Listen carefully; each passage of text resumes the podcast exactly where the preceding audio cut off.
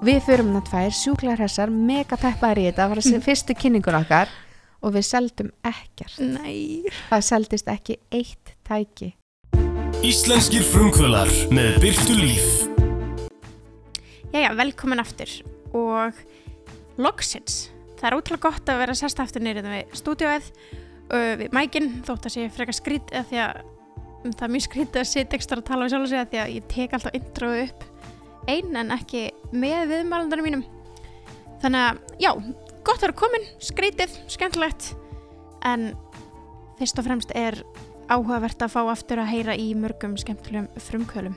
Ég hérna veiti fyrirgjöfu byðina að því að þessi þáttur er ógeðslega skemmtilegur, ógeðslega fræðandi og kom bara fárlega vel út, þannig að ég er ógeðslega spennt fyrir að leiða ykkur að heyra hann. En staðan er þannig ég mun halda áfram að gefa út skemmtilega þætti, sapna að mér skemmtilegum viðmælendum og reyna að vera eins markviss í svo hægt er, vonandi næ ég að gefa út vikulega, hver veit. En annars vitið þið að þið get alltaf fylgst með mér á Íslenski frumkvölar Instagraminu og þar mun ég alltaf tísa að það er eitthvað nýtt að koma út eða ég vil taka móti skemmtilegum hugmyndum frá ykkur hvað þið myndi vilja heyra í og hvað þið myndi vilja heyra frá þeirri mannesku. En viðmælandi minn í dag er hún gerður úr blöss. Blöss fyrir þá sem ekki vita en eiga að vita er kynlífsleikfangabúð þannig að við rættum allt um það hvernig var að byrja með svoleiðis fyrirtæki á Íslandi, hvernig hún kom sér á framfæri, hvernig hún á að marka setja sig og hvað hefur gengið fyrir hana og hvað hefur ekki gengið, hvað hefur virkað og hvað hefur ekki virkað. Við rættum einni hann Tony Robbins en hún gerður segir okkur skemmtilega frá honum og hans hugssjónum og hugmyndum sem var ótrúlega gaman að heyra og læra af. Ég er sjúklega spennt fyrir þessum þætti og ég ætla bara að leifa honum að byrja og rúla sér sjálfum og gjöra þið svo vel. Við hinga til mig komin er hún Gerður. Velkomin Gerður. Takk fyrir að fá mig. Bara gaman að fá þig og gott að vera komin aftur eftir langt frí. Já, gaman að fá að vera partur af því að taka þátt í að búið til svona íslensk podcast sem er fræðandi. Já, Mér finnst það mjög skemmtilegt. það ekki. Jú, bara Geðveikt. til hafingi með þetta. Vel gert þér. Takk fyrir það var. mm -hmm. Hérna, já, eins og þú sagðir, nú ertu komin í Íslands svona, já, fræðandi podcast, um, íslenskir frumkvölar. Um, bara orðið frumkvöld, þú lítið tilbaka. Já. Vissur eitthvað tíman eða hefur eitthvað mann gíska á það að þú yrðir kallað frumkvöld í framtíðinni? Um, nei, og ótrúlega fyndi að því að ég hérna lít kannski ekkit endilega á sjálfa mig sem frumkvöld eða svona já, þú veist, ég veit það ekki alveg ég er með svona, frumkvöld fyrir mér er einhver sem er að finna upp eitthvað nýtt Já. en ég hef svolítið, ég hef ekkit verið í því að finna upp hjólið, sko Nei. ég hef svolítið verið að gera bara það sem fólk hefur verið að gera gert það öðru sig eða gert það betur, skilur Já, um mitt. en hérna, jú, að sjálfsögðu er ég kannski frumkvöld og það er alveg rétt en nei, mér grunaði það aldrei, ég ætlaði alltaf þegar ég var unglingur og krakki að þá ætlaði ég alltaf að vera söngkona eða leikona Já, ok. Þannig ég hef alltaf verið ótrúlega svona mikið fyrir sviðsljósið Já, og ég man eftir því að ég var í tíundabekk, það er svo gaman að segja frá því núna af því að ég sko útskrifaðist úr tíundabekk um, með sko fimm í öllum samrænduprófunum mínum. Þannig ég bara, ég er rétt slapp, það lá við að ég þyrfti að taka tíundabekkin aftur en ég var valinn bjartasta vonin á ásóti ok. okay. tíundabekjar. Þannig að fólk greinilega svona fann eða sá að það var kannski mögulega eitthvað varið í mig já. að þrátt fyrir það að ég var ekki mikill námsmaður. En það samt, þú veist, er það samt ekki bara þannig yfir höfuð? Ég meina þess að enganir segja okkur ekki neitt. Mm, nei, ég er alveg, þú veist, ég einhvern veginn þegar ég var úlingur að hafa þetta gríðarlega mik mikil áhrif á mig, ég, ég er mjög lesblind eða svona, ég er kannski ekki með einhverja official greiningu en ég er lesblind og á bara erfitt með að skrifa, Mm en ég kann að tala. Já, og það er eitthvað sem ég áttaði mikið á að væri líka styrkleiki. já, líka Þannig að ég var alltaf að berja sjálf mig niður fyrstu árin mín eða þegar ég var að byrja í skóla og einhvern veginn mentaskóla og svo leis og gekk illa. Mm -hmm. Og ég hugsaði bara nei, þá aldrei eftir að verða neitt úr mér og bara hvernig á ég að komast í gegnum þetta? Já, en svo þegar ég áttaði mig á því að, sko, að það, lífi byrður upp á svo miklu meira heldur en bara að vera að klára bókina. Nákvæmlega. og ef maður hugsa það þannig eins og í dag til dæmis þú horfið tilbaka og hugsa bara já allir krakkni sem fengu nýju og tíur í skóla það þýr ekkit endilega að þeim gangi vel í lífun í dag. Nei, þannig að þetta er ekkert sama sem merki heldur snýst þetta svolítið um að vera svona klókur og finna sín, sinn styrkleika í lífinu. Og minn styrkleiki er svolítið þetta bara þetta svona að tala og ég get verið frá myndavélar og allt svoleiðis og mér þykir það þægilegt. Öðrum þykja hræðilegt. En ég er bara, ú, minnst ógeðslega gaman að horfa sjálf á mig. Og ég er bara, ég er minn staðsti aðdáðandi held ég að mörgu leiti sko. Það þannig að já, þannig að ég held að ég hef svolítið snemma fundið svona mína leið, eða snemma og ekki snemma ég var svona tvítug, þegar ég finn svona mína leið til þess að ná árangri í lífinu í rauninni Já. En kanntu að syngja? Veistu þið langaði að vera sönguna? Já, ég nefnilega kann að syngja Ok. Já, ég kefti öll þrjú árin mín í samférs í Ókei. grunnskóla Já, tók líka þátt í söngukemni framhaldsskólana Vá. og var líka í hérna X-faktor Nei, er Jú, það? Jú, maður, maður er búin að reyna þetta allt sko. Er, er hægt að finna það ekstra á netinu? Nei, Nei. ok, ok. ég held ekki Ok, mér langar bara að spyrja. Já, nei, en þú veist, já, ég, mér finnst mjög gaman að syngja Þannig Ok. að kannski einhver tíman þá bara fer ég í það þegar ég er búin að fá nóg af gerfiteipunum 100%. Nei, 100%. þá fer ég bara í það að fara að syngja Já. En þú Mm. annars spólaði pínu, þú ert sem sagt eigandi og stopnandi blöss.is. Já, mikið blöss. Myndur segja heiti blöss.is eða bara Já, blöss? bara bæði, blöss.is Já, Já, já, þetta blöss. er bara, má segja bæði Já, ég Já. sérst stopnaði það árið 2011 Hvað varstu gömul þá? Þá var ég 21 Já, þú, já, þú varst svona ung. Já, ég var sérst stopnaði blöss með vinkonu minni Ok. henni Rakel Ósk og við vorum sem sagt, við kynntumst í mömmuhóp þegar vorum óleittar af börnunum okkar vorum báðar síðan atvinnuleysar eftir fæðingarólof og höfðum ekki áhuga að fara í skóla Já. og einhvern veginn varð þetta til Vá, hvað það er fyndið útisnúningur úr mömmuhóp Já. yfir í þetta. bara á meðgöngunni nýju mánir bara og svo allt í einu eignustu lítil börn og eitthvað og svo bara allt í einu stofnum við kynlífstækja fyrirtæki Vá. það er mjög gaman Ok, þá verðum við bara að byrja frá byrjum. Við verðum bara, bara að dempa grunni í þetta. ok, þú sérst kynnist henni og hvaðan kemur, þú veist, vild, sátust þið niður og vorum, ok, stofnum fyrirtæki eða stofnum þetta fyrirtæki eða Mm. hva, hvaðan kom svona uppsprettan? Sko, hugmyndin kom út frá því að hún kemur til mín einn daginn og segir við mig, gerður, ég var að kaupa mig kynlífstæki og það er fokkin styrlað. Já, sorry, ég bló, blóta, sorry, Já, það bara, Do it, it's ætla ekki að særa fine. bliðinu kent hjá neinu, mér finnst svona gott að nota svona orð til að leggja áherslur á það sem ég segi. En allavega, og ég var bara, wow, ok, fokk hvað þetta er óþægilegt, ekki segja mér frá kynlífstækinu þínu. Af því mér fannst þetta bara virkilega Já, óþægilegt. ok, ok. Þannig að ég var á þeim stað, sko, Já, og hún bara, einmitt. nei, nei, nei, ég verð að sína þér það Nei. Og ég var bara, oh my god og áður en ég vissi að þá hljóp hún inn í herbyggi og kom fram hlaupandi með kynlífstæki sitt. Og máli var að eins ógeðslegt og ég var búin að hugsa að mér fyndist þetta að þegar hún kom þá sá ég tækið og ég var bara, wow þetta var bara svona, wow þetta var svona moment. Að því þetta var bara fallegasta kynlífstæki sem ég séð á æðum henni var, ekki, þetta var ekki þetta típiska eitthvað svona grænt tippi með æðum og eitthvað. Heldur var þetta bara svona þetta var svona ringlega, ljósblikt svona mjúkt með sílikonu og svo svona gilt einhvern veginn svona inn í þessu og þetta var svo kvenlegt og elegant og ég var bara fjall fyrir þessu at the point bara, bara Ok, strax. Já. en svo kom að því að ég eitthvað, oh my god, hvað keftur þetta? Og hún sagði hún kefti einhverju kynlistæki búið hérna í Íslandi og ég bara, oh my god, hvað kostar þetta? Og þá sagði hann mér bara, já, þetta kostar 14.990 og ég var bara, og þetta var fyrir 8 árum, þú veist, 15 áskall wow. bara eins og 30 skall í dag líka við Já, 100%. Þannig hérna, og ég var bara, oh my god, nei, ég hef ekki peninga fyrir því og fátöku námsmaður eða fyrirverandi fátöku námsmaður í fæðingarólafi. Já. Þannig hérna, ég fyrir á netið og að finna þetta vörumerki þar og sjá Mhm. hvort ég geti bara pantað þetta. Og þú ætla bara að panta einn. Já, Já, bara fyrir þig. já. já, já. en þegar kemur að því að ég er að panta vörunar, eða vöruna, að þá senda þær ekki til Íslands. Oh. Og ég var bara, damn, þannig að ég fyrir eitthvað neðst á síðuna og er eitthvað að skrolla og reyna að finna eitthvað svona shipping methods Mm og kemur það í ljós að það kemur bara svona retailer og ég eitthvað ít á það, þá kemur bara there's no retailer in your country, do you want to become a retailer? Nei, já, ok.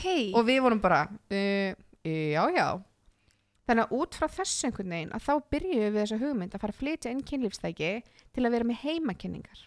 já, ok, það var upprunalega hugmyndin. Já, sem þess að við ætliðum aldrei að vera netveslun eða búð eða eitthvað svolítið, heldur bara vera með heimakenningar og bjóða upp á fríar heimakenningar, það var enginn að gera það á Íslandi á þessum Já. tíma, það voru allir að rukka fyrir það. Já, Þannig að þetta var svona orginal hugmyndin okkar. já, Þannig að, og þetta var mjög skemmtilegt og þetta byrjaði mjög hægt og rólega, við hættum við og byrjaðum aftur og þú veist, við hefum náttúrulega hátum engan pening, bara við erum að tala um, sko, kreditkortið mitt var maksað Mm. og ég var með maks yfirdráta heimild, þú veist, þetta var bara ekki að ganga, sko. úf. Að við fórum til pappa Já, og pappi lánaði mér 200.000 til að panta fyrstu sendinguna. af kynlífstækjum líka. Hvernig, hvernig, hvernig Sko- náður því, þú veist? Já, ég sko man eftir að því pappi minn er mjög svona, hann er svona, þú veist, sinnir virðulegri stöðu Mm. og þú veist, hann er mjög svona flottur kall, sko. Já, Og ég hugsaði bara, oh my god, hvernig á ég geta sagt pappa minn hvað mér langar að gera. En ég tók Rakel með mér. Já, og ég var alveg, ok, við fyrir að byggja pappi um lána pening og eitthvað og, og svo fer ég til hans og ég bara, já, já, ég er að spæði stopna fyrirtæki. Og hann eitthvað, nú, já, hvernig, hvernig fyrirtæki? Og ég alveg, uh, svona það var alveg hér og hann bara, ha, ég alveg það er svona kynlífstækja fyrirtæki. Og hann bara horfði að mig og hann sagði sér hann nú margt vittlausar heldur en það. Við stundum nú öll kynlíf. Já, algjörlega. og ég vissi ekki hvort mér langaði að segja ha, nei, ekki segja Þú. en á sama tíma þá var ég bara, ok, geggjað Já. og þarna fann ég bara strax og bara frá upphæði þá voru mamma mín og pappi bara mjög svona síndu mig mikinn stuðning og ég hef oft gett grína mamma mín og fyrsti viðskiptavinnur minn Nei, það er að ef sömur finnst það skrítið mér finnst þetta bara geggjað. Mér finnst bara að sína hvað fóreldra mínir eru 100% að baka það sem ég geri. Einmitt. og ég hef ennþá, það er ekkert rosalega langt síðan þegar ég fór til mamma og pappa og ég sagði bara veist, af hverju stoppuðu þið mig aldrei? Mm. veist, þegar ég kem 21 ás á ekki bót fyrir borun á mér ég er ómentuð, ég hef enga reynslu þegar það kemur að af hverju, af hverju sögðu þið aldrei neitt af hverju sögðu þið ekki, já, er ekki skelltilega að býða bara hans með þetta eða Mm. leifa öðrum að sjá um þennan fyrir skilur, eitthvað svona þau bara, nei, við bara höfðum trú á þér og við vissum að það væri ekkert sem við getum gert til þess að stoppa þig Nei. að því ef þú ákveðir eitthvað, þá ert að fara að gera það Já. þannig að, og eins og ég segi, þannig að ég var einhvern veginn bara alltaf með 100% stuðning frá fóreldri mín Fyrsta pöntunin sem þú þurftir að taka, hvað var hún, hvað var hún stór? Hvað þurftir að taka mikið af vörum minn? Við pöntuðum fyrir eitthvað cirka 200.000 minni mig Já. og þetta voru, en samt á sama tíma sko, þetta eru mjög dýrar vörur þannig að við erum að tala um þetta voru kannski 40 vörur eða eitthvað En var þetta allt tæki sem Rakel átti eða var þetta alls konar? Nei, þetta var alls konar. Alls konar, já. Þetta var heil vöru lína frá merki sem heitir Lelo Já. og þetta var sérst bara þekktast og flottasta kynlífstækja merki í heimi. Það voru til einhverja tvær, þrjár vörur hérna á Íslandi en þeir voru með vöru línu sem spammaði yfir einhverja 15-20 vörur. Já. Þannig að við ákveðum að taka meira inn og vera með betra úrvala þess áttar. Já, ok. Þannig, að- en við pöntuðum eitthvað smá og ég, ég gleymi því aldrei, fórum í fyrstu heimakynningun okkar þar sem að var einhver ókunnugur sem hefði bókað okkur. Og hvernig náðu að koma framfæri? Já, nú erum við með heimakynningar, voru það að nota, þú veist, þetta er hvað, 2000 og Þetta er 2011. 2011, þú veist, Já. ég meina, Instagram var ekkert svona vinsæl þá. Nei, það sem við gerðum var bara að við vorum óþólandi. Ég sendi á alla vini mína á Facebook og spurði heima bjóðurum með heimakynningu. Þannig að en fyrsta kynningin okkar var hjá einhverjum ókunnum og ég man ekki hvernig það kom til. Það var bara vinkona vinkonu eða eitthvað sem vildi þannig, bóka. já.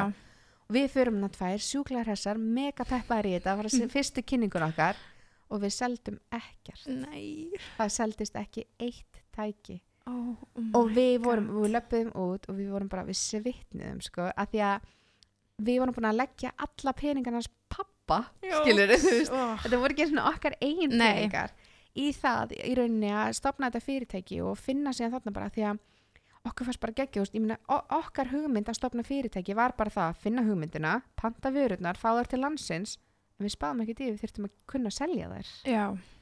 og þarna fengum við það svolítið bara flatt í andlitið að Já. það bara vestlaði engin og fyrst til þess að byrja með að það var salan alveg mismunandi, hún var ekkert þú veist, hún var, ég myndi segja hún var í dag myndi ég reyta hana sem léleg Já, Þú veist, ok. hún var bara, við vorum með lélega sölu þetta var ótrúlega erfitt, þetta var mikið hark Já.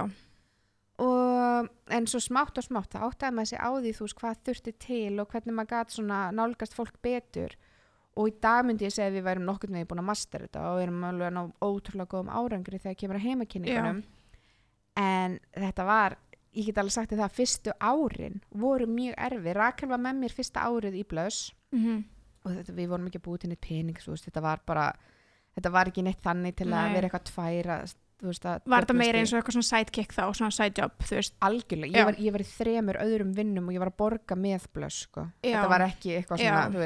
Þannig að en fyrstu þrjú árin voru bara ótrúlega erfið, mikið hark og mikið svona lærdómur myndi ég segja þú veist, ég gerði rosa mikið af mistökum sem að ég lærði síðan af sem betur fer.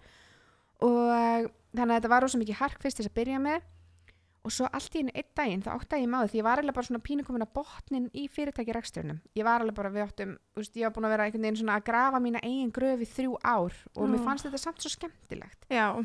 Og mér fannst þetta styrkli hugmynd Já. ég var alltaf bara, ok, hvað er málið? Af hverju gengur þetta ekki upp? Mm og þá allt í einu einhvern veginn kveiknaði ljós, svona, ljósapera í haustum að mér. Það var bara, vá, ok, það er ekki nóg að vera með geggjað hugmynd og það er ekki nóg að hafa bilaslega mikinn áhuga. Hugafarið þarf líka að vera rétt. Já. og það var eitthvað sem ég hafði ekki fyrstu þrjú árin. Ég hafði enga trú á sjálfur mér ég var ótrúlega svona lituð af þeirri mynd að ég væri ómentuð, að ég væri ekki nógu klár til að reyka fyrirtæki, ég kynni ekki þetta, um, ég væri stelpa, ég væri bara 21, mér varst ég alltaf ung, hver ætti að trúa mér, hver ætti að kaupa af mér, þannig að ég áttaði mig á því eftir þrjú ár og að hugafæri mitt var eitthvað sem ég þyrfti að breyta Já. og leið og ég tók þá ákförðun að bara svona, já ok, ef þú ætlar að mastera fyrirtækjarekstur þá þarf það að vera sterkur á öllum sviðum Mm bæði þú veist rekstralega, fjárhagslega, marketing og hugafarslega Já. þá einhvern veginn fór þetta svolítið að blómstra Já, þá byrjaði Að- boltinn að rúla. það byrjaði boltinn að rúla að því að leið og ég bara, þú veist, var búin að segja við hausin á mér, bara djöðlartu fucking klár og vákváður með þetta og þetta er geggjuð hugmynd og ég fann allar, þú veist, að því að ég, ég var með svo margar, ég var með miljón aðferðir af hverju þetta ekki að ganga upp. Mm en leiði ég hætti að einblýna þær og fór að einblýna bara aðferðinar af hverju þetta ætti að ganga upp. Eins og Já. til dæmis bara það að ég er kona sem er geggja Já, þú veist. það advantage. ég Skilurðu, það, ég var eina konan á Íslandi sem var í kynlifstækja markaðanum á þessum tíma. Þú veist, eða svona allavega á þessum tímapunkti sem ég var að gera þessa æfingar skiluru og það hafa alveg verið aðra konur undan mér en e- ekkert svona allavega ekki þessum tíma. E, Mhm. þú veist, þannig að ég fór að hugsa bara svona hvað er að jákvæða, hver eru mínir styrkleikar? Ég er ung þannig að ég á fullta árum eftir Já, já, og ég er ótrúlega vilju, ég hef geggjaðan áhuga, þú veist, allt þetta jákvæða og leið og ég fór bara að skrifa það niður eins og sér kannski hérna, ég veit að er í pod, að hlusta á podcast en ég sjá ekki neitt, en ég er alltaf með svona bók. Já. Og í þessa bækur skrifa ég bara allan anskotan og líka reynda svona minn er svolítið gætna það að stela þeim og skrifa svona codes fyrir einhverja tölvuleiki og eitthvað. En ég meina þú veist allavega, þá er ég með svona bækur sem ég skrifa alls konar hugmyndir og ég setti mig markmið fyrst þess að byrja með að skrifa bara jákvætt. Já, bara jákvætt. Af því Já. þá bara ósýrátt þá fór ég að gleyma þessu neikvæða því ég er rauninni kæfði sjálfa mig með jákvæði já. Það er alveg, sko, það er sturdlað. Ég var að mynda að lesa eitthvað, hérna, var í valófanga úti, þýlgur útisnúningur um whatever, var í valófanga í skólanum. Og það var einmitt hérna, þá áttu að velja okkur eitthvað svona eitt topic og gratitude var einmitt, þú veist, bara jákvæðni og þakklæti. Já, og ég var að lesa eitthvað svona, þú veist, hérna rannsóknir sem hafa gerst og bara, bara það, þú veist, ef maður síndi þakklæti svona oft í viku, hvað maður, þú veist, reis upp í, þú veist, hvort það var enganir eða svefn, bara á öllum misunum sviðum bara, hvað allt byrja að ganga betur í lífinu hjá fólki sem var rannsóknar við þetta, já, ef þau síndi sjálfur sér þakklæti eitthvað x oft í viku þú veist, þá var ég bara, nei, hvernig getur þakklæti og jákvæmt áhrif á svefn? En bara, jú, greinilega. Það er sko það er bara svona, hvað ég segja, rannsakað að þakklæti er eins og ja, e, náttúrulegt þunglindislif já, af því að þegar þú er þakklátur og jákvæður þá er hérna heiliðin að framleiða þetta er- endorfín eða einhvers konar sem er þetta svona náttúrulega þunglindishormón eða eitthvað þannig, eða antidepressin hormón. Þannig að, og ég hef einmitt tilenga með þetta núna að gera jákvæðis eða þakklætis æfinguna á hverjum einasta degi og ég gera hana mörgusunum að dag og ég Mhm. gera hana með mismöndi fólki.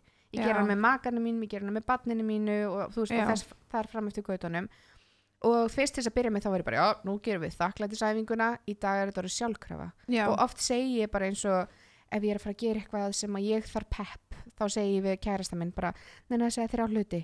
Og þá segir Já. hann einhverja þrjá hluti sem hann er þakkláttur fyrir í mínu fari eða það sem hann elskar við mig eða eitthvað svo leis þannig að og þá finn ég hvað ég verð nærð af því. Já, þannig að þetta er eitthvað sem ég algjörlega tilengaði mér.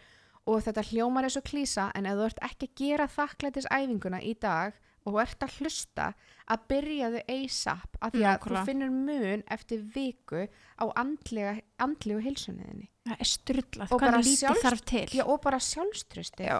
þú veist, ég bara, ég hef oft hugsað svona, þú veist, ég er bara ógeðslega venjuleg stelpa, sko. Ég er bara, ég er meðal hæð, ég er meðal þyngd ég er með ljóstári með bláu, ég er bara eins og meðal manneskja, en ég er með ógeðslega gott sjálfströst og það er eitthvað sem að margir segja, og ég hef líka verið of þungt, eh, þung, til dæmis, alveg allt of þung en ég hef alltaf verið með ótrúlega gott sjálfströst já, og ég held að það sé eitt af því, eða ekkert alltaf fyrir ekki, en ég síðust árum verið með mjög gott sjálfströst já, og ég held að það litist af því að ég geri þakklæðisæfingu og ég sé hluti, jákvæða hluti í mínu lífi og í mínu fari sem að lifta mér upp. já, þess að hengja þig á eitthvað neikvætt og Já, hugsa þá bara um það.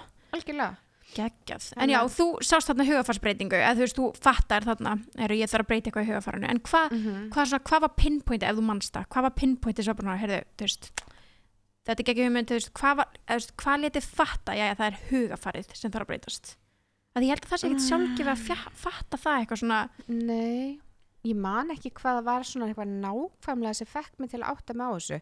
Ég held að hafi verið meira bara það að veist, ég þráði þetta svo mikið. Mhm. Ég á þarna eftir þessi þrjú ár þá var ég orðin einstæð móðir, ég var búin að skilja við basföðu minn, ég bjó ein og það kom upp þessi svona desperate veist, situation. Þar sem ég, þú veist, ég gat ekki lengur verið í þrejum vinnum og að sinna blöss. mm Blöss gekk ótrúlega illa og ég var bara, veist, þetta var eiginlega bara pínu svona, ég var komin á þann stað þar sem ég var bara svona, ok, annarkvært þegar ég hætta með blöss þá, og finna mér þá bara 8-4 vinnu -hmm. eða þá ég verð bara að gefa mig alla í þetta og láta þetta ganga og Já. þegar maður verður svona desperate og þegar maður upplifir hann stað, þú veist, þar sem maður er bara á barmið þess að hoppa fram af, skilur Mhm. að þá einhvern veginn svona vom, snýst allt við og þá finnur maður lausnin, þá kemur lausnin til manns já. einhvern veginn og það var Já. alveg það sem gerðist þannig að sagður upp eitthvað hinu vinnunum þegar, já, hætti öllum vinnunum mínum öllum Já. já. og bara, ég var að vinna á þessum tíma hjá K100 útastöðinni hætti þar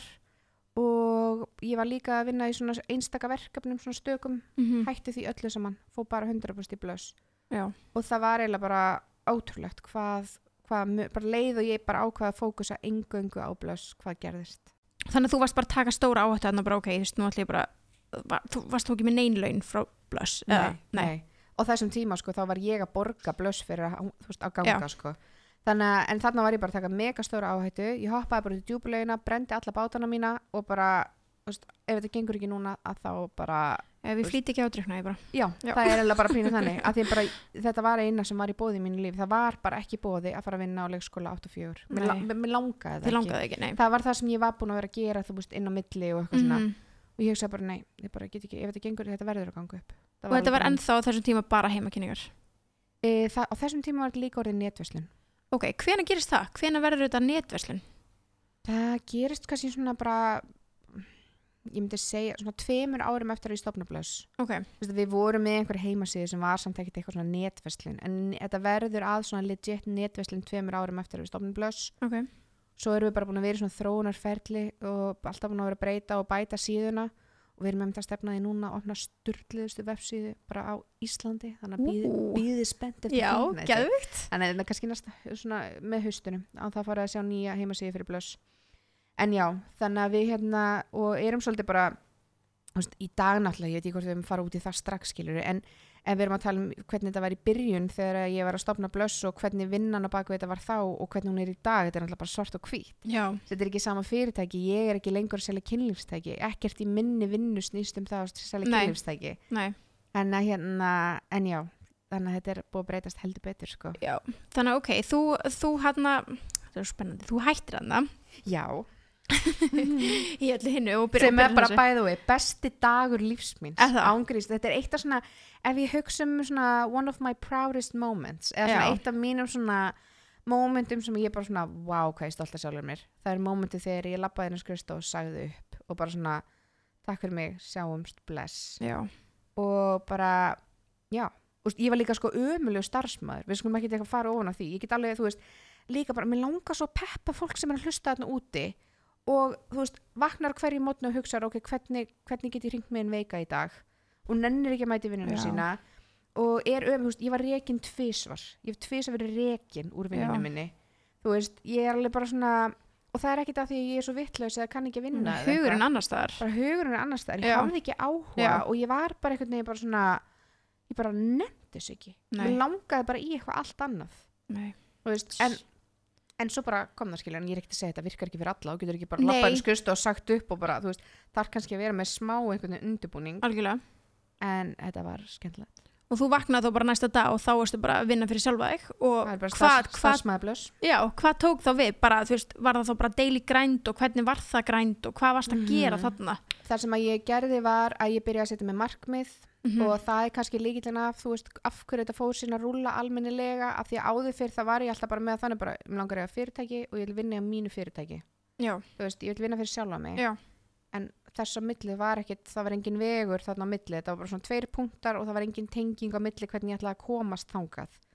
Þannig ég byrjaði að setja með markmið og mjög svona ítaleg og mikil dítela þú veist bara ok, ég langar að ná þessari sölu, ég ætla að fara að selja fyrir hérna miljón eða whatever skilur og þá setti ég bara niður nákvæmlega hvernig ég geti mögulega náð að selja fyrir miljón mm uh, ég fór að vera virkar á samfélagsmiðlum þetta er svona svipu um tíma það er hvað ætla að sé ekki, já svona ári setna eða eitthvað fyrir að vera að virka Snapchat já, og Facebook náttúrulega alltaf og okkur en ég fyrir að vera mjög svona markvist uh, virkar á samfélagsmiðlum. Var það þá eitthvað svona posta svona oft á dag og eitthvað svona þannig markvist eða svona, já, já, já. og bara búið til svona content. Ég var náttúrulega alltaf í videokontenti aðalega já, að taka upp einhvers konar vídeo fyrir Snapchat og svo leis þannig að já, þetta var eiginlega bara aðalega þannig og ég vann eftir markmiðunum mínum. Ég setti mér svona tíu topp markmið eða svona, svona tíu helstu markmiði mín, hvað var það blöss?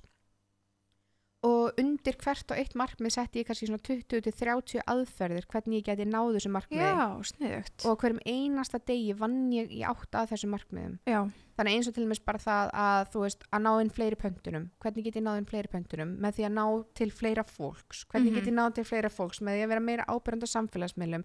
Eða fara í útvarsviðtöl ég var pían sem ringdi í fjölmiðla og spurði hei maður ég komið viðtal já, og ég, í dag þekki ég nánast flesta útvarsmenn á flestum útvarstöðum skiluru já, af því ég er búin að vera leiðilega pyrrandi pían af því að það er líka annað sem að fólk svolítið svona flaskar á, myndi ég segja þegar í fyrirtækjurekstri að það er alltaf að býja eftir rétta mómentinu. Og, og ég var búin að vera býja eftir rétta mómentinu í þrjú ár. Og var ekki búið að gerast. þannig til ég áttaði með á því bara þú veist create your own moment. Og ég bjó til mómenti með því að vera bara eitthvað, já, þú veist, ok, ég senda á alla fjölmila mjög reglulega, bara hei, væri til að taka viðtal við mig, hei, má ég koma viðtal? Bara, heyra, hérna er grein sem ég skrifaði væri til að byrta hana. Já, Og- ok, þú veist bara alveg já, ég var bara all in, ég var Já. bara óþólandi þetta átti bara gangu þannig að ég veit ekki hvort það myndi gangi í dag ég veit ekki hvort nei, en á þeim tíma skilur Já. að notfæra þessar það sem var hægt þá. Já, bara alls konar blikt.is og eitthvað svona, sendi bara á þær greinar og svo endaði með, því, ég var bara með vikulega pistla inn á mörgum greinum. Einmitt, svo allt í henni var ég orðin vikulegur gestur í morgunþætti á FM 957 einmitt. Þú veist, af því að fólk áttaði sig á því bara, já, það er svolítið gaman að hlusta á hana. Og þú veist, hún er eitthvað svona, hún er hérna flipkissi. Þannig að ég var bara allt í henni orðin bara fastur liður í einhverjum morgunþáttum og fann að vera með vikulega pistla í einhverjum blöðum og, og svo lýst allt í henni fór boltin bara rulla já, sástu þetta skila sér eins og í pöntunum? Klárt mál. Já, og það er óslega margir sem halda blöss ég bara fjara, fimm ára fyrirtæki eða svona þryggja fjara ára fyrirtæki. einmitt. En ég er búin að vera í þessu átta ár. Já. þú veist, það fyrir hann alveg nýja ár sko, veist. þannig að hérna en það er kannski bara því að þú veist fyrstu árin fóru bara í það að gera mistök og læra og síðan allt í einu þetta svona að þú veist að byrja að, að ná árangri. Einmitt. Þannig að, en sjúklega skemmtilegt Já, þetta, er- þetta geggja, mér finnst líka hérna, en þegar varst til þess að senda svona út og ef þú fekst nei, þú veist bara nei, ég ætla ekki að byrta þetta, eða, nei, þú kemur ekki við tala, ég veit ekki hvernig fólk svara fyrir sig, veist, var það ekkert eitthvað svona, ah, þetta var sárt, eða eitthvað svona, nei. Eða varstu bara fuck it, já, Já. eiginlega bara. Eða þú veist, líka bara að því ég, ég fekk alltaf já á endanum einhvern veginn. Eða þú veist, ég kannski sendi skilabóð bara, hei, hvað segir það er eitthvað svona, að það er ekki alveg laus tími núna, bara ekkert máli, ég laus í næstu veist, og fólk er bara svona, oh, fuck, hann er pyrrandi, ég verð að segja já til að losa mig við hana, en svo gerði ég líka alls konar svona, þú veist, maður þarf að vera svolítið sníki og klókur, skiljur það sem ég gerði var kannski, ég kefti auglýsingar á einhverjum einum miðli Mhm. og sá miðill átti kannski út á stöð, uh, fjölmiðil og, og sjómastöð já, og þá er svo þægilegt sko að geta sagt bara já, herrið, ég var einmitt að kaupa hérna auðlýsingar í sjónvarpinu hjá okkur. Ekki fínt, fæ ég ekki að koma í viðtalið hjá þér í útvarpinu? Já. þú veist þannig að ég, ég er ekkit alveg viss um að ég myndi endilega gera þetta svona í dag en Nei. ég sé samt ekki eftir því. Nei, þú veist, og oft gerði ég einhverja díla ég var kannski að kaupa sjónvarsauðlýsingar þá segi ég bara já, ok, ég kaupi sjónvarsauðlýsingar en í staðin fæ ég líka tvö útvarsviðtöl í staðin mm eða umfjöllin á, á veist, netinu og í útvarpinu. Já, og það var eitthvað, já, ekkert mál ekkert mál, en að sjónvarsauðlýsingar fyrir kynlýstæki, hvernig, Já, eða eitthvað, ég man ekki, ég var Nei, ok, ekki ok, endilega ok. að kaupa sjónvarsauðlýsingar, ég man ekki alveg, þú veist, Nei, jú, eitthvað svona skjáauðlýsingar já, já, já, ok, En hérna, bara svona pæla hvernig það myndi vera, nei, það er, ég veit um ekki komin svo langt, sko. nei, en Þannig að- þegar þú opnar upprunlega hérna netversluna, bara forvinni, bjóstum það til sjálf eða varstum eitthvað nei, Nei. guð, það er líka annað. Þegar að fólk er að stopna fyrirtæki, og það er svo óksla fyndi að því ég, ég fæ svo, í dag er vinnan mín snýst hún rosa mikið um ráðgjöf og í Mm. dag hafa ótrúlega margir samband við mig og spyrja bara, herri, ég er að stopna fyrirtæki og eitthvað svona og svona stæðsta sem ég sé hjá fólki er þetta sko, nei, ég kann þetta ekki nei, ég kann þetta ekki og nei, ég get Já. þetta ekki og eitthvað svona Málið er að ég er ekkit góð í neinunum að tala, sko. Veist, og það er það sem hefur komið með alla þessa leið. Ég er ógeðslega fróðum kynlífstæki Já. og ég er alveg góð í að koma fyrir mér orði, orðum, en þú þarft ekki að vera góður í öllu. Nei, Og líkillin að því að vera góður að reka fyrirtæki er að kunna að velja rétt fólk með þér í lið mm og vera með einhvern sem er geggjaður í að búa til heimasýður til dæmis. einmitt. Og ég er til dæmis með eitt gaur sem er bara snillingur og það er bara geggjað að vinna með honum. Já, Hann vinnur bara allt svona tækni fyrir mig. Svo er ég með bara geggjaðan bókara og endurskoðanda Mhm. og þú veist, og svona er ég bara búin að byggja net í kringum mig já. af fólki sem, er góð, sem eru góð að gera hluti sem ég kann ekki. Já, bara góðið sínu fæi, einmitt. algjörlega og það er líka pínu þannig að sko leið að þú áttar þig á því og ég held að það hefði líka verið svolítið stórt þarna fyrstu þrjú árin Mm var það að leið og ég áttaði á því ég gæti ekki gert þetta allt sjálf. Þá fór einhvern veginn boltinn að rúla leið og ég fór að rétta öðrum keflið og segja bara, herri, þú gerir þetta, þú gerir þetta að þá fór einhvern veginn, fór hlut- hlutinir að gerast já, að sleppa taki kannski. já, að því að Já. fyrir það þá var ég bara að fokka upp bókaldinu og eitthvað skilur, þú veist Já, já, eitthvað svona að reyna að gera sjálf því ég var að spara eitthvað pening en ég var samt ekki að spara neitt að því að ég var bara bara, eiga tíma og... já, ég var bara að gera þetta vittlust Já, en, uh, en já, algjörlega þannig að þú þarft ekki að vera bestur í öllu til að geta stopnað fyrirtæki sko. nei, nei, að- bara ráðin besta fólki já, bara með bíla sjálfströst Já. ég held að það sé máli En ég glemdi að spyrja á þann þegar bara, Mhm. þú veist, þegar vorum að byrja að tala um bara svona startupið þessu. já, Blush, hvaðan kemur nafnið? já uh, ég og Rakel, við vorum einhvern veginn bara svona við sátum á Pizza Hut í Smáralindinni ég bara Geggjað. gleymi svo moment ekki, Já. með, með börnun okkar í sikkurum barnastólum sko. Og ræða kynlistæki. og að fá hugmyndir Já. og við erum að skrifa niður bara alls konar nöfn og við vorum með, þú veist, eitthvað svona ég veit ekki, við vorum með miljón nöfn sko og vorum einhvern veginn að reyna að vera með eitthvað svona elegant og fallegt og eitthvað og það besta við þetta er sko og í dag þá bara langar mér að guppa við tilhugsunina að við vorum að spá í að skýra blöss fyrst og ég hef aldrei sagt þetta neins Nei, oh my god, hvað er spennt?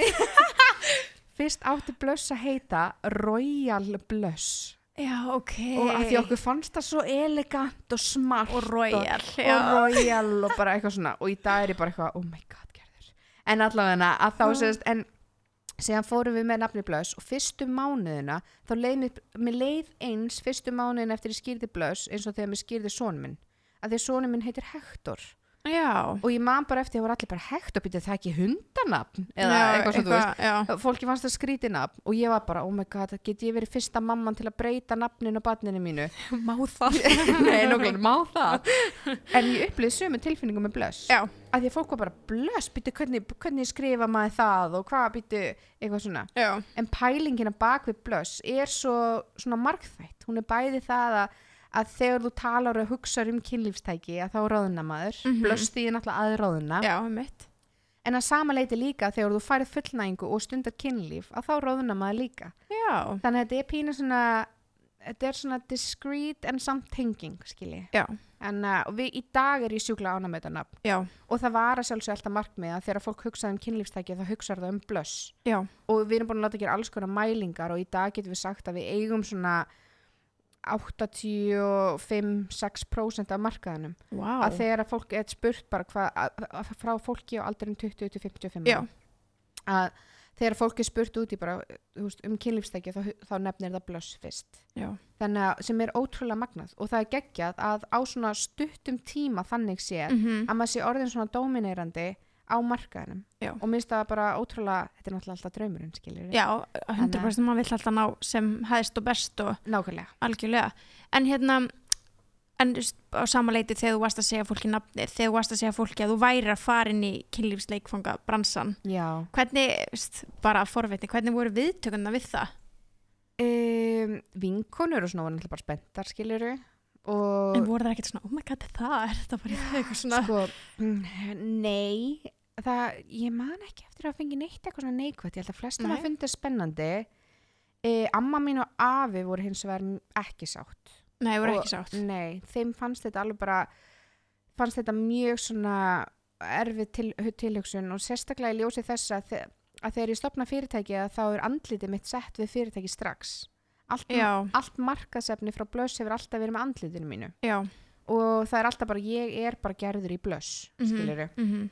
Og amma mín afi þau bara, hvernig ætlar þú að fá vinnu í framtíðinni og þeim fannst þetta bara hræðilegt þannig að en svo fann maður alveg þú veist að núna þegar árin líða og, svona, og þau farin að sjá kannski hvað gengur vel og þess aftur að, að þau voru orðin svona mildari með já, þetta já. en, að- en Það er svona gamli skólinn, þau þurfa að læra inn á þetta. Já, algjörlega, já, en það var svona eina sem ég myndi eftir að var eitthvað svona ætla ekki að segja neikvætt en Nei, svona, svona, já, en vinkonum mínir hafa alltaf verið brókslega spenntar og stuðningsríkar Já. og, og í dag finn ég aldrei neina fordóma þannig að, en já, nei þetta er náttúrulega mikið feimnismál fyrir marga skilur, mm Mhm. er, er það ekki? Þú veist, svona kynlífs Ég veit, minnst það orðið minna og minna, sko Já, ég, ég skal trúa því, ég skal Já. vel trúa því. og ég er bara meira að segja því að núna er ég ofbáslega mikið erlendis og ég bara hika ekki við að þegar fólk spyr bara já, hvað gerir þú í lífinu og þá segir ég bara ég sel kynlífstæki og það er lang, lang oftast þá byrja fólk að brosa og finnst gaman að tala um þetta og Já. bara oh my god, how exciting og Já. bara eitthvað svona bara eitthvað, how is that, like how is it to sell sex toys og ég held að bara, oh it's really satisfying ha, ha, ha. ég kom bara svona ömulega brandara sem ég bara svona geta ælt yfir stundum Það er mjög gott. Já, en þú veist, en bara mér finnst allavega heimurinn almennt og ekki bara Íslendingar heldur bara almennt allstaðar það er alltaf að opnast meira og meira ég hef allavega aldrei lent í því að fólk sé bara eitthvað móðga því ég segi hvað ég Nei, nei, nei, nei, ekki, Anna. nei, mitt. en já, Já, held, það er bara gott að heyra, ég held að, ég held að Íslandinga væri hans veist, ég held að væri hans meira feimnismál. já, kannski er ég líka bara pínu blind fyrir því Já, af því að Já. fólki sem er í kringum mig er svo opið fyrir því já, einmitt, já, það geti vel verið. það geti alveg verið að sé einhver hlustar núna sem er bara uh, Já, en já. þá átt hann bara að koma í blöss.is og kaupa sér womanizer Já, en svo opnar búð. já, ég er búin að opna sko nokkur sinnum búð Já, ok. Ég er búin að, já, já, já, já. Sko, ég opnaði sérst fyrst búð þegar að fyrirtæki var þryggjára. Þegar ég hætti í vinnunni minni. Já, ok. Þá tók ég á skarið og bara, þú veist, opna bara búð og ég ætlaði bara að gera allt þess að þetta myndi ganga. Og hérna, og í það skipti sem ég opnaði fyrsta skipti búð, þá var ég að opna búð til að reyna að fá fleiri viðskiptavinni. Mm Ég var alveg bara, ok, ef ég opna búð þá kannski koma fleiri og þá gengur þetta betur. -hmm. En það var ekki þannig. Það er Nei. ekki, þú veist, ef að netverslunin gengur ekki vel, þá er búð ekki að fara að virka, sko.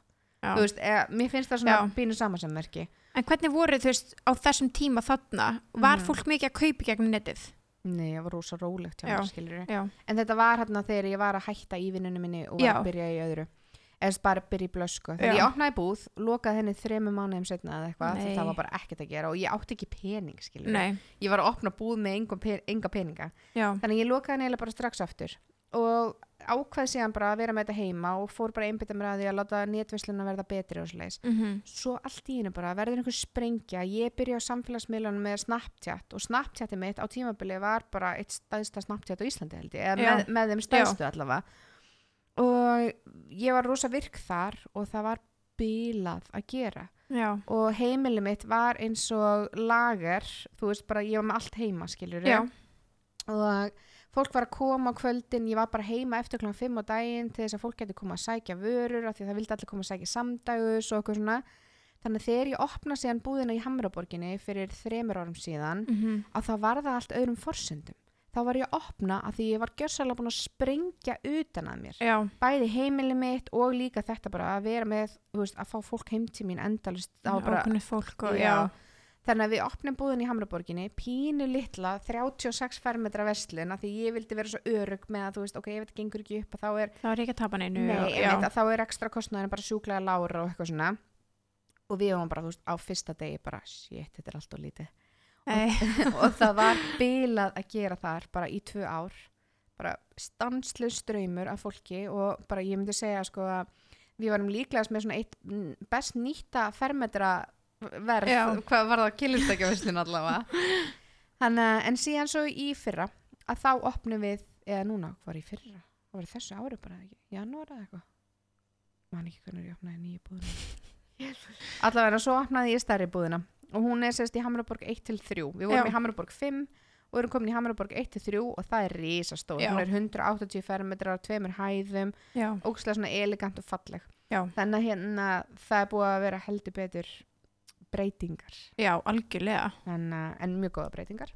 En þú veist, það er svona svo áhugavert að heyra, þú veist, þú ert búin að pröfa þetta allt skilur, að opna búð og svo lokinni það, ég held að það hefur verið mjög mikið svona útslag fyrir marga, Mhm. það verður bara að heyra, ok, Mhm. it's done, skilur, Mhm. þetta virkar ekki Spurðu bara kærasta minn, ég er fokkin þrjósk sko Já, það, en það er geggja, skilja, því að ég veit að veist, ég, ég bara trúi því sjálfa að margir og eflaust ég bara, þú veist, ef ég myndi opna búð, ég myndi ekki sjá þetta ganga og maður þyrst að en þetta væri svolítið svona, ah, shit, Já. skilja, þetta, veist, ég, já, bara, Það er líka sko bara eitt sem að allir eiga sameinlegt held ég að það er bara eitthvað sem ég get, bara, ég get bent á þig ég get sagt, ok, þú óttast það að fá höfnun eða mistakast. Já, og það er eitthvað sem við óttumst öll og þannig að óttin við það að mistakast hann oft yfirgnæfir svo ótrúlega mikið og kemur í veg fyrir það að við náum okkar besta árangri. Já, að því við erum alltaf bara, oh shit, ef mér mistekst þá mun ykkur hafna mér og þá mun þið ekki elska mig eða eitthvað svona.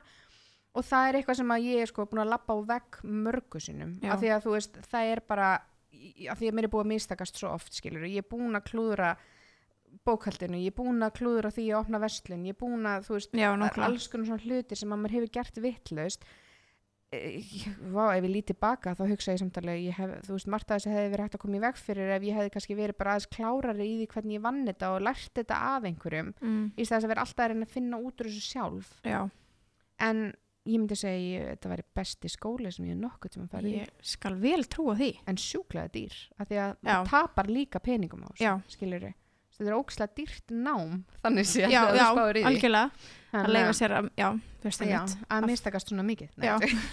Nei, að fara í gegnum þetta, skilur, að fara Já. upp og niður og, en kannski er þetta nöðslegt ferli þú veist, já, en uh, já. En þú veist, að fá umbúð því nú ertu ekki bara með eitt vörumerki, nú ertu komið nokkur það ekki, Jú, við erum alveg með fullt af vörumerkjum. Já, og sömulegis líka bara alls konar svona, já, nýtt sem er vantarlegt alltaf til okkar. ummitt en, En, þú veist, eh, þú byrjar með þetta fyrsta þarna sem að Rakel átti. Já, og hvernig, þú veist, hvar varstu síðan að fá upplýsingar um hvað, þú veist, hvaða umbúð þetta er næst að taka eða, við, eh, sko, ég hef eiginlega bara alltaf frá því ég byrjaði í þessu verið ógeðislega duglega að fara erlendis á síningar já, ok.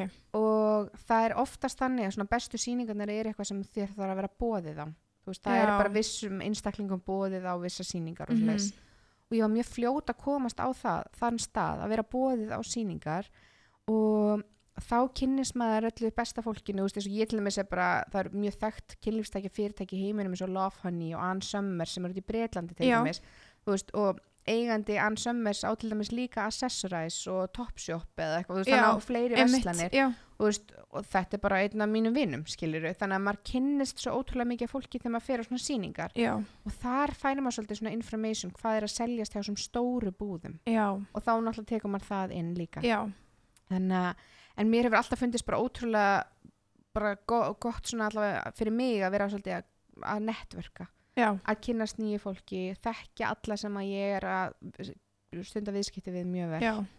En, uh, og já Það, því- það er að borga sig að vera að fara út og það borgar sig að því leitinu til að ég er ömulega að skrifa e-mail en ég er ógeðslega góð að tala ég já, segja já, eða þú veist það er minn styrkleiki þannig að þegar ég skrifa e-mail þá hugsa fólk bara hvað er þetta þryggjára krakki eða? En þegar ég fer síðan að tala við fólk þá er alltaf bara já þú veist ekkert málum út fyrir umbúðið já, bara ekkert mál þannig að já það er einhvern veginn, það er, þar, þar er ég sterkari. Já. markkópurinn þegar þú byrjaði þetta var það alltaf, var það fyrst bara konur eða hvernig var já, stefnan? ógislega fyndi að því að fyrst þegar ég byrjaði þá var markkópurinn bara konur. Já. og sérstaklega sko konur á aldrinum svona 18 til 35 ára. Veist, þetta var svona markkópurinn já, eftir 35 þá bara gera þetta ekki. Já, nei, bara ef þú ert 35 ára er þetta búið. Herri, svo hérna þegar maður fyrir svona að læra meira og meira inn á þetta að það átti að með á því sko að markkópurinn minn í dag eru konur og pör og við erum að bæta köllanum minn líka núna en markkópurinn er að konur og pör á aldrinum sko 25 til 55 ára. Já, þetta er okkar helsti kúnahópur þetta er búið að breyta síðan þú byrjar. Heldur betur. Og ég myndi segja að langstæðsti kúnahópurinn okkar væri svona á milli 35 og 40 wow. Já, þannig að þetta er fólk sem er komið þrjú börn og er orðið svolítið svona þarf aðeins eitthvað kynlífið já, bara gaman gaman að því.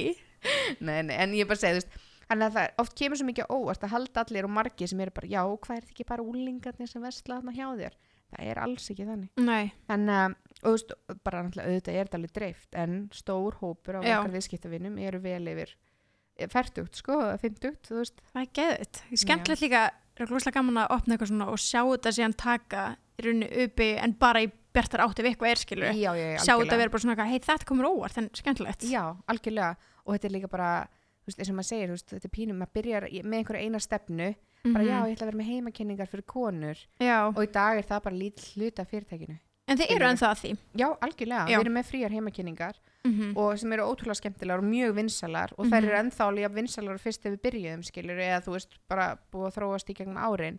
En málið er bara að vestlun og netveslun er líka komin inn í þetta. Þannig að núna er þetta svolítið skipt. Ég myndi segja að heimakynningarna væri cirka 20% og restin skiptist svona milli sín já.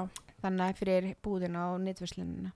Já, en með búðina og, og netversluna því að þú veist, regla, ég veit ekki þú veist, maður heyrir svona í umræðinu eitthvað svona búðir fara að vera eitthvað svona sem þarf ekki að vera innan gæslepa Já. hvað, hvað, því að netverslun sé að taka það mikið yfir. Mm -hmm, en finnst þér nöðslegt í þínum bransa með þitt, þú veist, dót sem þú ert að selja? Mm þú veist, að vera með búðum. að vera með búð og þannig að fólk geti séð þetta eða þú veist, Sko, bæði og. Ég myndi segja að í mínu tilfelli er þetta þannig að það er oft erfiðara að skila kynlífstækjum. Að því að Já. reyður búin að rjúfa innsiklið, þá getur ekki skilað þeim.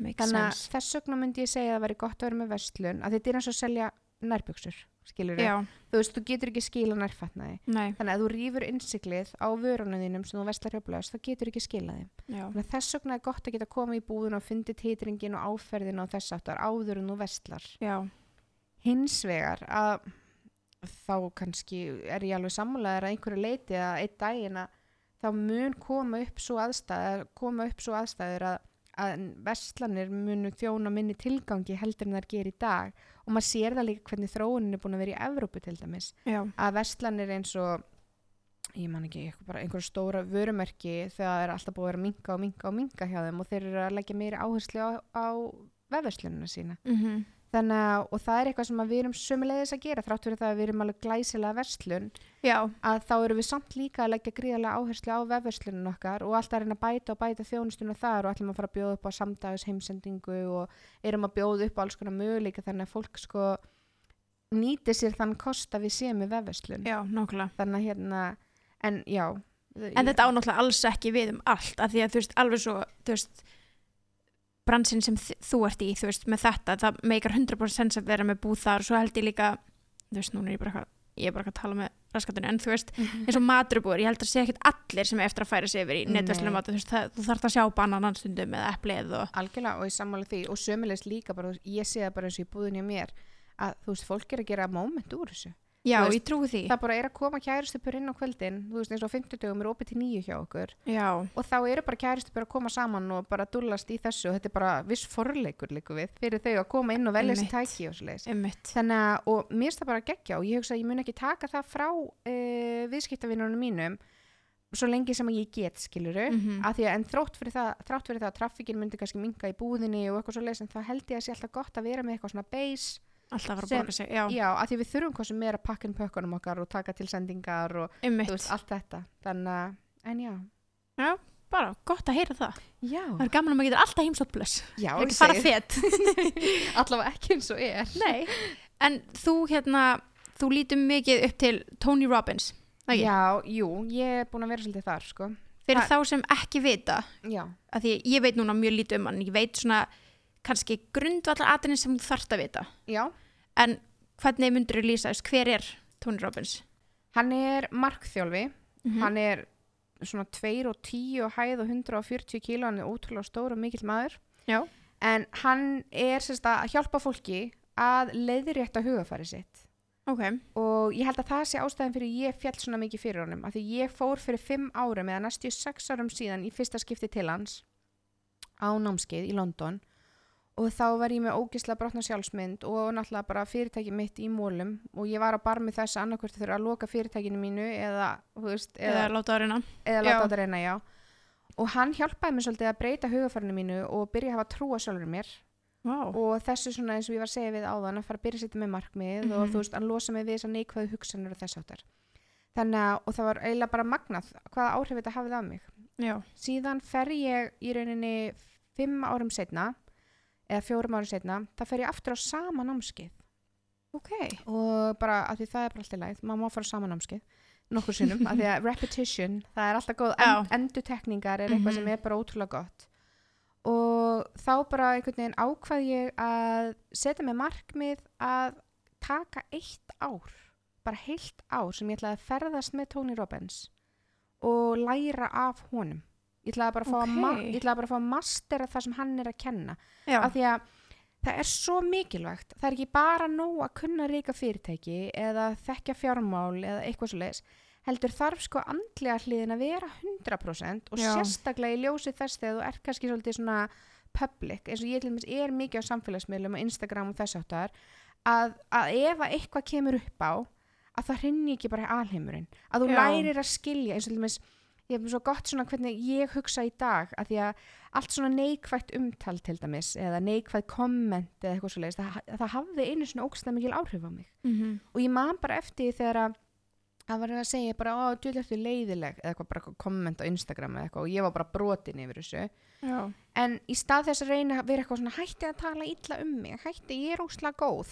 þú veist að vera í þessum gýr Mhm. að þá hugsa ég bara, nei fuck it, ég ætla ekki að fara aðra leið já. í dag hugsa ég alltaf bara hvað fær mannesku til þess að segja svona ljótt, hugsa svona ljótt Mhm. eða framkvama þetta? Mhm. og ég hugsaði bara, ok, eina ástæðan fyrir því að einstaklingur ætti að tala ljótt eða neikvætt er að því honum líður illa. Sjálfum, já, sjálfum já. Já, eða það er eitthvað sem ángrar hann, þetta er afbrýðsemi eða eitthvað þess áttar og leið og ég áttaði mig á þessu og ég fór bara svona í dag þegar ég heyri eitthvað umtal eða eitthvað slist, þá hugsaði ég bara, æ, oh, en leiðild, ég vildi óska þess að ég geti hjálpað þessum einstakling Já, bara greið þú. Já, Já, þá verður þetta svo miklu auðveldara. Já, Þannig ég hugsaði, ok, ég ætla að taka heilt ár, ég ætla að ferðast með Tony Robbins um allan heiminn, ég ætla að læra allt af honum sem ég get lært af honum. Þegar þú segir ferðast, fannst þú bara í actually að eldan ég, Já, elt- ok ég eldi Tony Robbins í heilt ár og ég var að klára ára mitt núna og ég er búin að ferðast um bóstalum allan heiminn. Vá Ég er búin að fara bara í einhverja tíu staði í Evrópu, ég var í Bandaríkjunum núna í fjóra vikur og svo aftur síðasta summa var í sex vikur, ég er búin að fara til Abu Dhabi,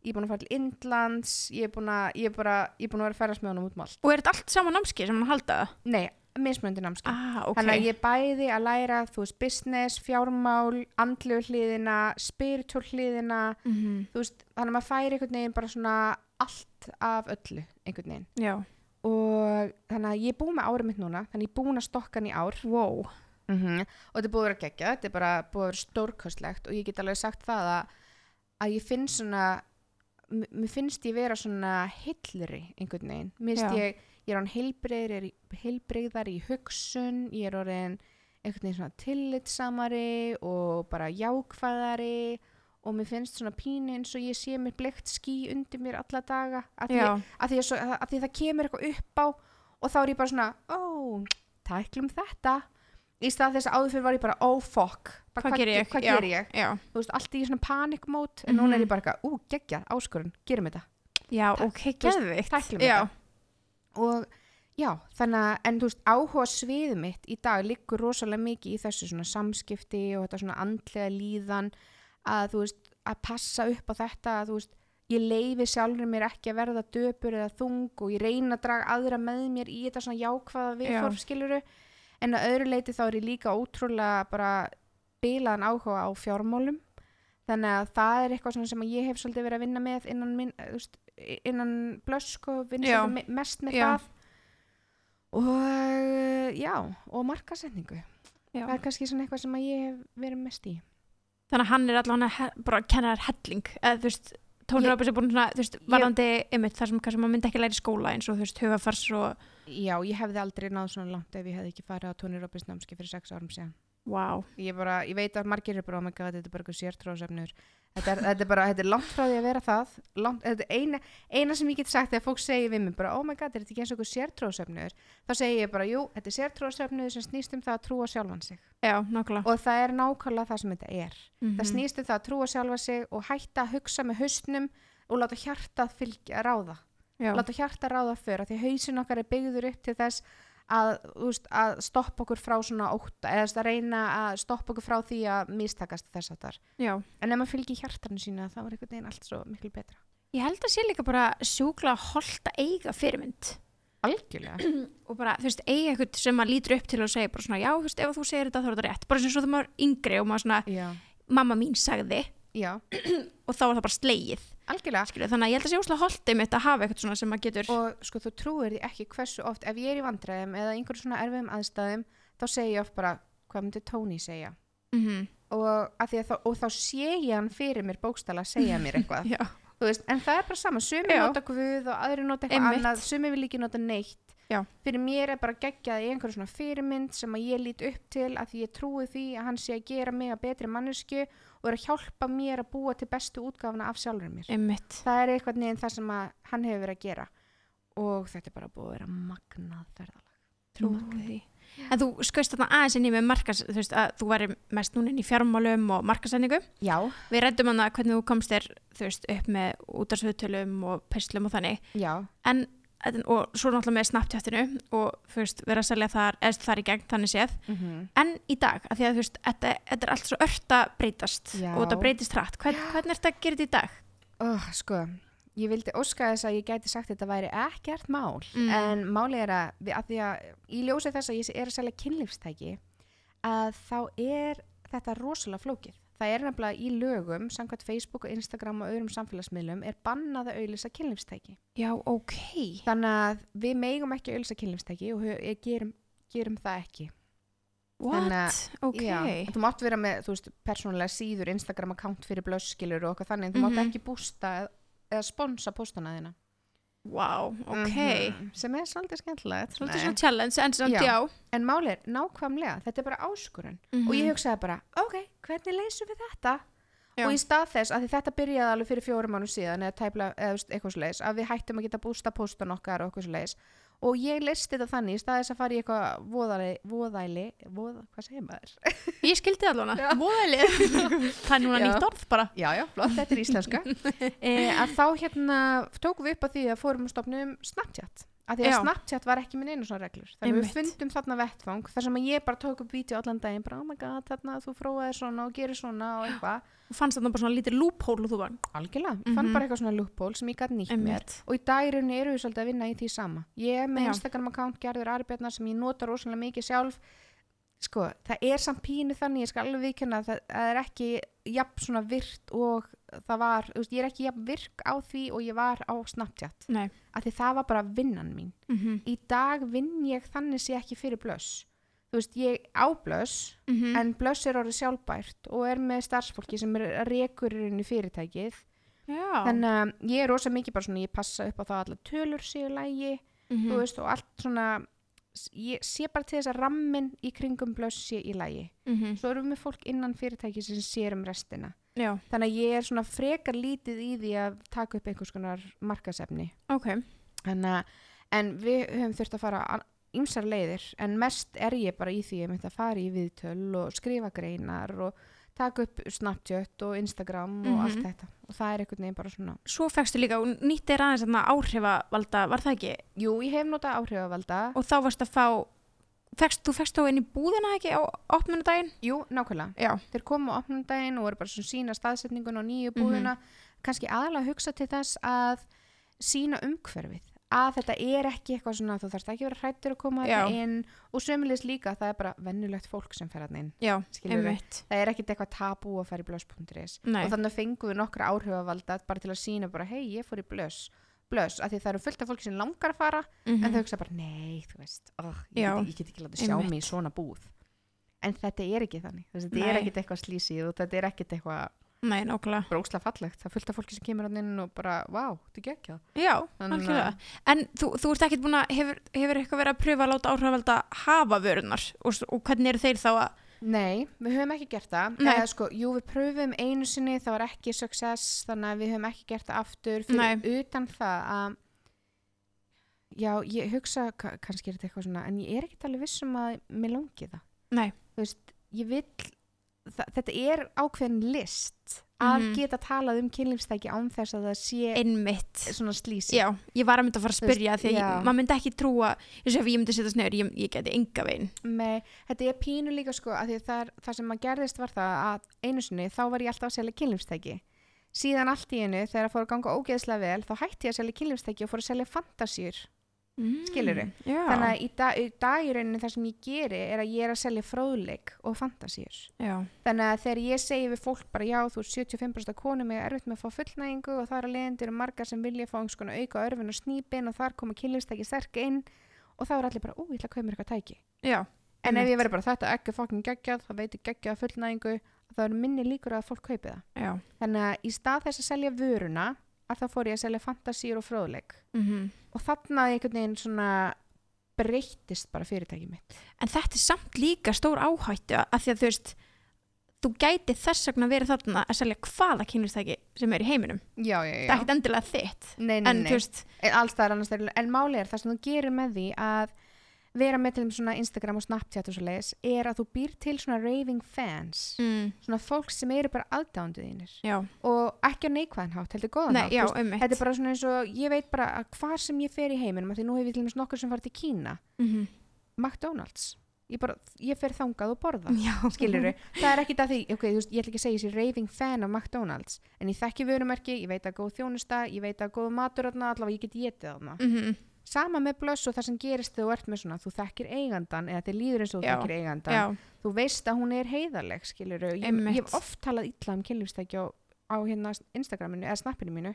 Ég hef oft sagt bara, neð, er mér það bara ekkert spestæki og við eigum kannski 50-100 eintök Mhm. sem að seljast ekki af því ég sagði bara hreint út sagt nefnist umlegt já, en þú varst alltaf hreinskilin skilur, já, Nei, og já, ég hef bara ekki samvisku í annað sko.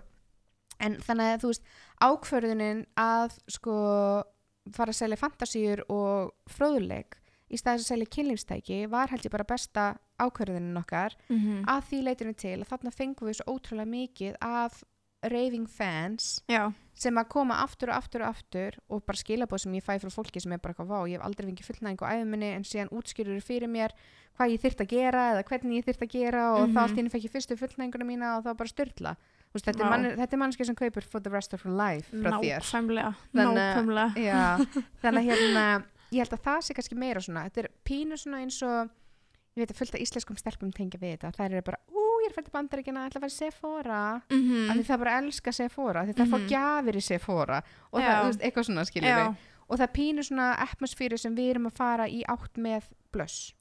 Þú veist, að við ætlum að vera með svona veist, það verða gjafir og það verður svona goodie bags og allt, þú veist, við erum að vinna svolítið með það núna þessa dagana að búa til þannig mótel fyrir blöss já en, uh, en það er svona mín vinna í dag Já, það var einmitt næsta spurning sem ég ætla að spyrja. já. Day to day grind, þú veist, hvað, er, hvað gerir gerður í, að því eins og þú segir, þú ert ekki Ú. lengur að, já, veist, hvað gerir þú? Veist, Hvernig, hvernig er vennileg dagur eða vennileg vika hjá þér? ég er bara að chilla það bara, Æ, ég veit ekki, já, ég er að ferðast ókslega mikið já, En svona satt, satt best að segja að þá er svona, þú veist, mín verkefni innan blöss eru aðalega að sjá um fjárhagslegu hliðina og svona bara mælingar. mm Ég er rosa mikið í því að mæla hvernig er salan í dag með við sama tíma í fyrra eða sama tíma í síðasta mánuði. Uh, ég er að mæla árangur á hvernig við postum einhverju mynd á Instagram og ég sé hvað árangur hún er að gefa okkur í sölu og svo leis. já, Þannig að ég er svolítið í því.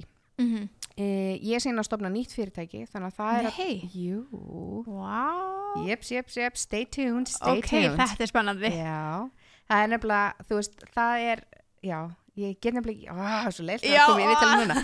Að ég hata þegar fólk segir, oh my god, ég er að vinna þessi skemmtilega verkefni, ég get ekki Það sagt er ekki að neitt. segja frá, maður er bara, hættu, þú verður að segja mér það. Já, ég er nefnilega ekkert búin að tala um þetta, sko. En Ok, já, ok, ég sérst er að stopna nýtt fyrirtæki sem er, mun koma til með að vera online fyrirtæki ok, og þetta verður bylting á Íslandi. wow, Mic drop. Nei, já. En ég er að stopna það með kærastanum mínum, Jakob. þannig hann mun koma til með að vera hausun á bak við það fyrirtæki þannig sé sko. En þannig að við erum svolítið að vinna í því núna í dag. Mhm. eh, annað sem ég er að klára að leggja loka hönd á núna er að ég er að stopna góðgerafélag wow, og ok, er sem sagt góðgerafélag sem heitir Freyjusjóður Mhm. og er til þess að styrkja fólk sem glýmur við ófrjósemi.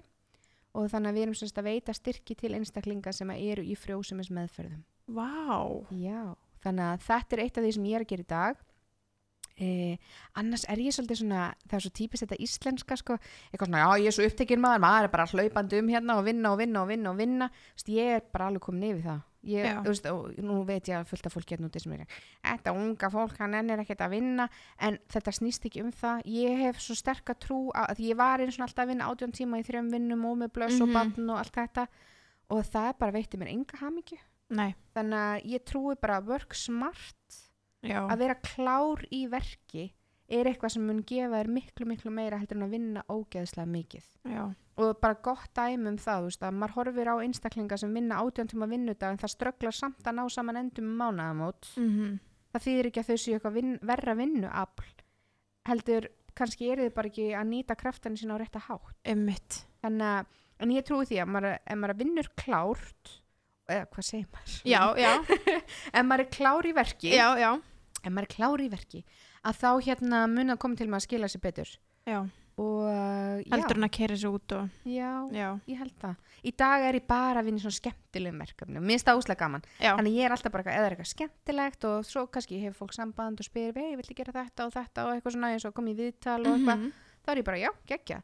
Af því að líka annað sem að mér finnst ótrúlega mikilvægt að fólk skilji er bara, ok, þú ferði í viðtal uh, ég undibý mig fyrir allt svona, já, þú veist þannig að ég sest niður, tek mig tíma, ég kannski hlusta á podcastin sem þú er búin að gefa út til að Mhm. sjá, ok, hvernig gerir hún þetta? Ég skrifa niður hjá mér hluti sem ég held að vera gaman að koma frá mér í þessu viðtali. Veist þannig að en fólk hugsa alltaf kannski bara já ok þannig að þú gerir fórst í eitt podcast í dag og tók klukkutíma að taka það upp. Já það var samt alveg meira. Já, ég undirbúið mig alveg og, það já, er undirbúningur og það er held ég það sem er líkillan að því að við ná velgengni líka já, er þessu undirbúningur. Veist, ég er alltaf bara, ég er fyrir bað og ég er að hugsa bara já geggju hugmynd, ég ætla að gera svona, svona, svona. Mhm, þú veist hvort sem að sé fyrir blöss eða nýja fyrirtæki eða hvað. Já, en hausina mér stoppar aldrei. Og ég var ofta Ok. að segja eins og ég man eftir þegar ég byrjaði fyrsta skiptið að vinna svona lítið eða svona minna að þá hérna var ég hjá sálfræðing og ég, ég elska sálfræðinga og coacha og svona bara Mhm. þannig að ég vita því. Ég var í sálfræðinginu mínum og hún var að segja um, ég, bara ég skil ekki af hverju fá ég bara útborga fyrir 100% vinnu en ég samt bara að vinna kannski svona 60% eða eitthvað. Ég var einstæðmóða með batnan á þessum tímabili og ég gati ekki unni meira. Og mér varst svo skrítið að vera að vinna svona lítið því ég vildi ekki vinna svona lítið. Það var Mhm. bara ekki bóðið fyrir mig að vinna svona meira því að barnið mitt var bara, það var ekki bóðið allavega til að gera langa sögu stutt og fannst mér þetta hræðilegt að vita til þess að ég fekk 100% laun fyrir að vinna 60% vinnu. Og hún sagði, er það, ertu bara að vinna 60%? já, Já, einmitt, og ég var bara, já, ég, bara, ég skila bara að mér hérna þessum klukkutímum í vinnu af því þá voru klukkutímandi sem ég mætti í vinnu. Já, en þú veist, mig dreymir blöss. Ég einmitt, fæ oft mínar bestu viðskipta hugmyndir þegar ég er sofandi vá, skilurðu? eða bara Já. svona, eða að Já. sopna þannig að þú veist þannig að þau uppi staðið að þá þrátt verið það að ég sé kannski bara að hérna mæti í vinnu einhverja vissmarka klukkutíma í viku að þá er maður samt í fullu starfi bara við það að þróa Einmitt. og fá hugmyndir og grípa tækifæri og já, þú veist, eitthvað svoleiðis.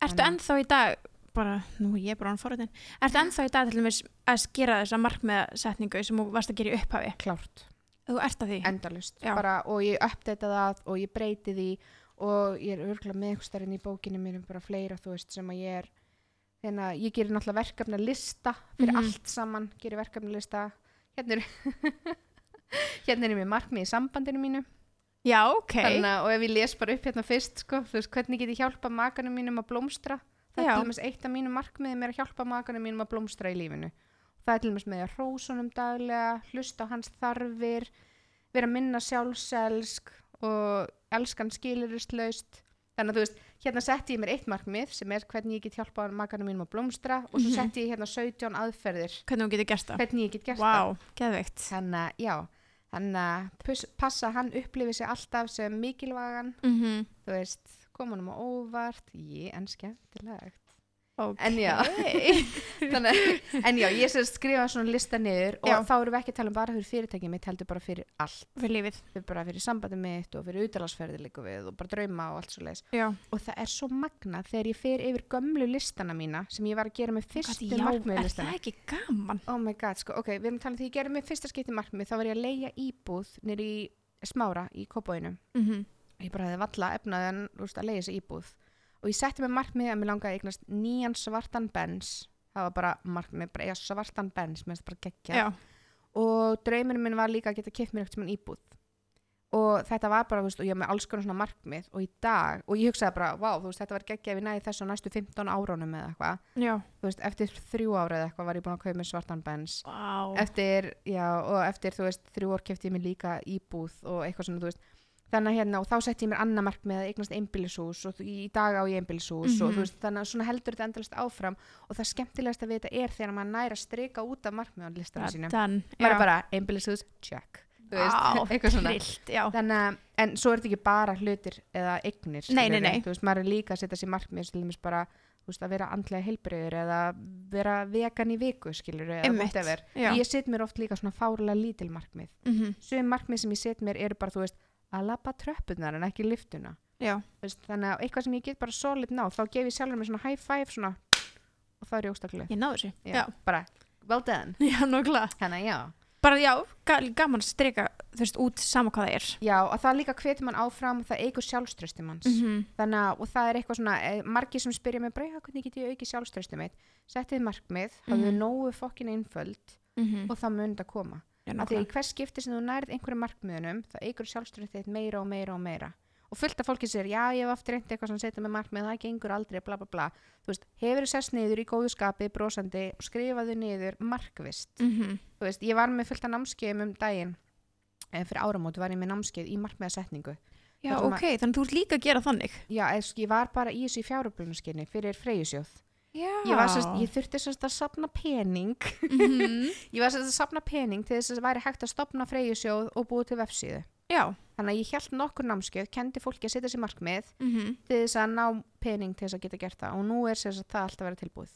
Og hvernig gekk það að halda það bara, Ótrúlega vel, ég Já. var bara með þetta í stofinu heima á mér, var, ég held einhver fjögur námskeið, þú voru stút full bóku, það hefði ekki, það var langur bygglisti. En ég, Vá. ég hef ekki gert þetta aftur, nei, nei, nei. en, hérna, en ég var að kenna fólki að setja sér markvist markmið. Mhm. og sína þeim hvernig ég hef gert þetta í gegnum árin og hvað mér finnst virka best þannig að því ég er myndi segja ég væri búin að leggja frekar mikla áherslu á þetta í lífinu mínu af því þetta er eitthvað sem hefur komið frá því að vera í mínus einhverja miljónir og upp í að eiga ótrúlega fínt líf líf, já, einmitt. þannig að hérna, en já og líka eiga bara sjálfbæran rekstur. Ég held að það Já. sé kannski það sem að fólk ætti að hugsa að. Það, það er, mér finnst það alltaf svolítið, svolítið rosalega stór skref þegar þú getur bara þannig séð, þú veist, einmitt, þú þarft ekki að mæta daglega þang og þú þarft ekki að mm sinna þessu daily grind að standa búðuna og setja, þú veist, taka pantaninnar og pakka þeim inn og, það er partur af prógraminu eða þessu prósessinum, skilur að komast á hennar stað það þarf Mhm. að gera öll þessi verkefni. E, og ég man alveg eftir hvað ég var alveg svona, þú veist, að því að það svo fyndi fyrir kannski svona bara ég veit ekki, þremur árum eða eitthvað, ég man ekki hvað langt síðan þá sagði pappi við mig, já ég gerði þess hvernig ætlar svo að fara að fá þér alvöru vinnu? Já, og ég var bara, já. Og þú veist, þremur mánum setna staðgreiti ég fyrstu íbúðuna mína. Þannig að þá hafði hann alltaf ekki hugmynd um það hvað gengi vel en ég var alltaf bara heima þú veist, ég var alltaf bara heima Já. að vinna mm og hann var alltaf bara, þú er bara alltaf heima í tölvunni alltaf í símanum, af því ég var bara snabbt að tala við sjálfa mig einmitt, einmitt, og hann skildi ekki, þú veist, bara hann var bara ok, hvenær ætlað þú að hérna fara, fara að gera eitthvað, þú veist, það var ekki átt að segja hvað þetta gengi vel. Hvena var þetta þá svona sjálfbært? Var þetta, Það eru svona fjör ár síðan eða eitthvað, Vá. þrjú, fjör ár, þrjú.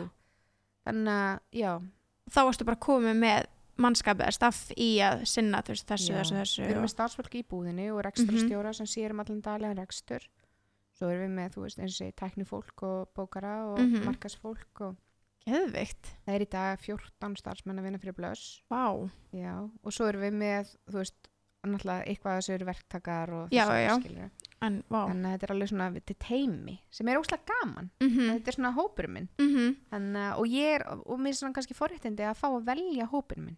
Já, Þú veist, ég vel fólk sem ég tel vera framúskarandi á sínu sviði. einmitt. Þú veist, þannig að, og eins og til dæmis núna nýja verkefni sem við erum að vinna að, að það er eitthvað sem er mitt sama, þú veist, ég sé ekki fyrir mér að ég mun sjálf vinna mikið við þetta. E, ég á hugmyndina miklu leiti á samt Jakobi mm og allt svoleiðis en við erum síðan bara búin að sapna okkur núna geggjuð teimi í kringum okkur sem er að hjálpa okkur að koma svo allar stað. Gekjað þegar við kunum ekki að forrita eða teikna, Nei, einmitt. logo eða þú veist eitthvað svona. En, uh, en ég held að það sé já, já, það er skemmtilegt. Þannig að ef það er eitthvað að núti til að leggja svona loka hunda á það ef það er eitthvað að núti sem er að pæla í þú veist eins og við tölum um svo- svona smáðan, þú veist, þau eru með hugmynd. Já, veit ég hvernig það framkvæmna, eiga það framkvæmna eða ekki, þú veist, hvað eitthvað veit að þú er komið hellingar á menn Já. þú veist, ef þú ættir að pinpointa einhvern veginn, ég veit ekki ok, ég skrifaði niður en það sjá mér sko mm -hmm. Eitt af því sem ég langaði til að segja er bara þú þarf ekki að kunna allt til að geta stofna fyrirtæki ég held að það sé mjög gott hérna uh, markmið, eða svona til að hafa í hvað segir maður? Hafa í huga. hafa í huga, Já. Um, annað sem ég langaði líka að segja er svona þrýr hlutir sem maður þarf til þess að stopna fyrirtæki ok, þetta er eitthvað sem ég er svona pínu búin að mastera í haustum á mér af því það er svo margir sem spyrja mig svona, ég með langar svo stofni í fyrirtæki. Og þá segi ég alltaf við fólk ég segi, númer eitt hugsaði fyrirtækið út frá því að það sé að leysa einhvern vanda. Um, hann að hvað sem það er hvað sem þú ert að fara að selja snirtifurur eða kynlífstæki eða þú ert að fara að vera með bílaþóttaþjónustu mhm, hvert er vandamáli sem fyrirtæki þetta ætlar að leysa? Mhm, og eins og til dæmis í mínu tilfelli þá var vandamáli það að við ætlum að vera með heimakynningar og við ætlum að leysa þennan vanda að konur þurfti ekki að fara inn í verslun. Já, veist, við einmitt. að koma til þín. Einmitt, e, þú veist þannig að það getur verið skiluru já, bara hvaða vandamál ætlar fyrirtæki þitt að leysa sem að mun koma til með til, sem mun koma til með að fólk þarf á þjónustu þinni að halda akkurat, skilur, Já. make þetta sense? Já, þetta meika sens, 100%. mm -hmm. Númer tvö er hver er þinn X-faktor? Ok, hvað er það sem fær mig til að vilja vesla af þér frekar heldur um samkjæmnis aðlunum þínum? Ok, þá er ekki nóg að segja já ég vil læra vöru, vöruverð. Af því að Nei. vöruverð segir svo lítið. Mhm, það er annaði með til dæmis eins og bara X-faktorinn fyrir blöss. Er það að það er fagleg þjónusta? Við erum með sérfræðinga okkar sviði mhm, þau sem er kynlífstæki, stelpunar sem vinna hjá blöss eru sérfræðingar í þessu. Mhm, þannig að þú getur alltaf garantíða það að þú kemur í búðina til okkar að þá ertu að tala við einhvern sem veit hvað hann er að gera. Veit hvað hann að segja, og- já, A- allar stelpunar fara í gegnum mjög svona gott þjálfunarferli og allt svo leist þannig að það er vita hvað þeir eru að gera vita hvað þeir eru að segja. Mhm, þannig að við erum ymsa svona X-faktora innan fyrirtækisins okkar mhm, og ég held að það sé mjög mikilvægt að ég man til dæmis eins og bara fyrir nokkur tveim árum síðan eitthvað þá voru allir að opna make-up fyrirtæki. Það voru allir Já. að selja snirtifurur mhm, og það var enginn með eitthvað svona eða einhverjir voru með X-faktor en mjög margir voru bara að gera allir það sama. Veist, það var enginn sem stóð eitthvað sérstaklega upp úr því það voru einhvern veginn allir bara svona já, ég ætla bara að gera eins og hún. Mhm, sem gerir það að verkum að þú býrðir ekki til neina svona raving fans sem koma að vestla af þér aftur og aftur og kannski aftur versla einu sinni hjá þér, svo einu sinni þarna, svo einu sinni þarna og koll og kolli, nákvæmlega, þú veist. Mhm, þannig að þú var þarft að vera með eitthvað svona sér einkenni mhm, og sömulegis líka nummið þrjú er bilaður áhugi. Mhm, þú þarft að hafa bilaðan áhuga. Já, og ekki bara áhuga, heldur líka að hafa trú á sjálfum þér og hugmyndinni þinni. Já. þú veist, ég man bara eins og núna til dæmis bara að þetta er svo ferst í hausnum á mér að, nú, að ég er að stopna þetta nýja fyrirtæki og ég kem og við erum að tala við teknikaurana og bla bla bla og þeir segja bara já ok, geggja og þeim finnst þetta styrli hugmynd og síðan allt í henni fyrir einn að tala um eitthvað svona neikvætt. Já þetta nú orðið frekar erfitt ég er ekki viss um að það muni ganga. Og ég, og ég var bara, nei nei nei, jú það gengur. Bara, bara- punktu til, no, Já, nei, no, no naysers nei, veist, og ég var alveg bara, jú, bara, veist, og bara leysum þetta vandamál og bara nei, þetta verður ekki vandamál við ætlum að leysa þetta og eitthvað svona. Einungis út af því að því að ef ég hefði ekki bílað að trúa hugmyndinu minni þá hefði Mhm. ég sagt, já, ok, æ, ég kannski bara sleppa þessu þá. Já, að því þetta var alveg vandamál. Já, en að því ég hefði bílað hana áhuga á þessu og bílað að trúa á þessu, þá sagði ég bara við leysum þetta, þetta verður ekkert mál. Mhm, en Gegn- að, gjall, já, ég held að það sé já, bara, þetta er, þetta er trillt, mér finnst það mjög góð ráð, líka gott að hafa þetta svona í, svona eiginlega bara svona 1, 2, 3, þegar maður getur svona já, tekað í bóksi eða skilur þú veist, algjör, og þú getur líka tekið bara hugmyndina eina, sama Mhm. hver hún er þá Mhm. er þetta bara, ok, númer eitt.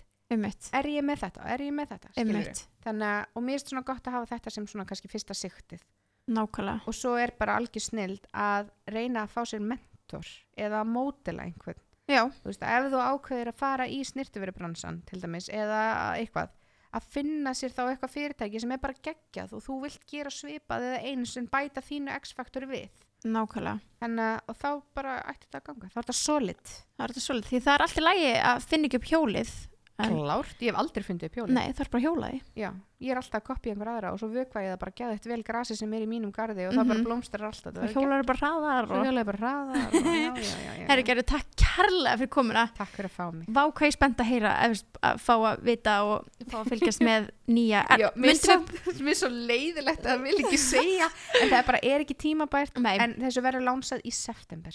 Ok, í september, Já. það stytt, það styttist í það. Já, það stýttist í það Þannig að en leið að það komið og skulle koma inn og garga þetta yfir Akkurat, og hvar myndum við sjá það, þú veist hvar myndum við taka eftir því, þín Instagrami? Já, sjálfsög ok, Gerður Arabirnar á mínu Instagrami og svo bara þetta verður út um allt. Það, er, það verður sturgluð markasherferð í kringum þannig að þetta. fer ekki fram hjá neinum. Nips! Geggjað, herri, takk fyrir. Takk